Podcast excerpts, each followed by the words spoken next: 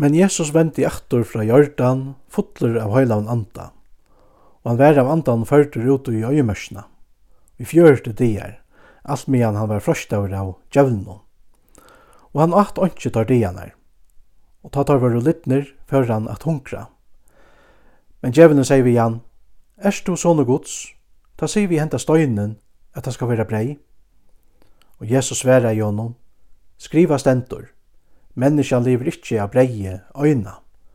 Ta før han nian av vi honom, og sunnti hon öll rujtje hamsins vi øynon egna brakte. Og djevne sier vi han, Ter vil jeg djeva alt hekta velde og dårtorra, til at mer er det djeve og i hendur, og jeg lette kvann få av det som jeg vil. Om to tog vil tilbya meg, da skal det alt være tukt. Og Jesus sverre og sier vi han, skriva stendur, Herran, godtun, øy til å tilbya og tjene honom øyna. Og han fjør vi honom inn i Jerusalem, og sette han oppa tinten og halsdømnen og sier vi han, om to er sånne gods, da støyte i åman hiane. Det er skriva stentor, Ønklun søgnon man han djeva bo om te, at han skulle varvaita te, og hånden munn og tar bera te, at du ikkje skal maja fautun av nøkron støyne. Og Jesus sverre i og sier vi igjen, til vi er sagt, du måst ikkje frøsta herran, godtun. Og da djevelen hei lotje alla frøsting, vaik han fra honom om stund.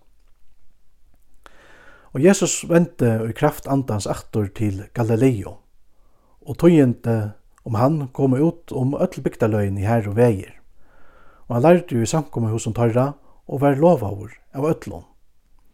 Og han kom til Nazaret, her som han var vaksen opp, og han fær som sier hans er vær, kviledegjen, inn og i samkommehuset, og han røste seg opp av lesa fire. Og bøk Jesaja profets var hon finchen, og ta han åpna i bøkjena, fann han nyer at hans degen, her som skrivas då, Andi herrans er iver mer, av tog at han hever salva me, til a bera fatekkon glei på. Sent hever han meg ut til a boa fengon fralse og blindon sjøen, til a sleppa neistøttum leisun, til at kundgjera eit herrans nægjuar. Og han leie bøysina saman, og fekk tænaren hon hana og settes nyur. Og hversmans eio i samkommet hos noen, hukto og pan. Men han tåg under at tala til tørra. Og i det er hekta skriftåret gynnt i utfyrir i øyron tikkara. Og ötlun løtst vel og han. Og de undra hos at de lussal år som kom av munni hansera. Og det søtt då, er han ikkje sånn Josefs? Og han sier vi deg, «Au var munno tid færre a sia vi med hekta åretekje. Lakne, vek sjålvan te, gjer òsni her og i heimbygtøyne så staur versk som vi hava frakt at vera hent og i Kapernaum. Og enn meira sier han, «Sannliga sier dikkon, Ongen profetor er velkjentur i sin egna fosterlande. Men jeg sier tikkun av sonnun.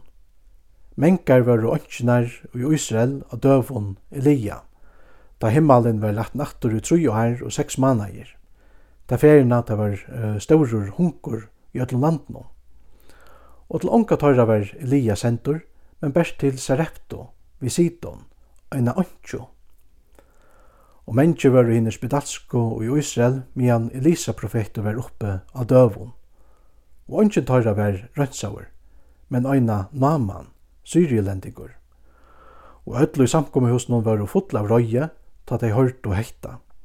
Og de røstost og kørte han av sted ut ur bygdene, og før vi honom ytst av røyina av til fjallen som bygd tøyra var bygd av. Jeg rinte honom åman her.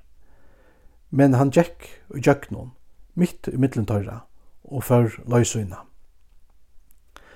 Og han kom åman til Kapernaum, en bygd i Galileo, og han lærte deg her om kviledegin.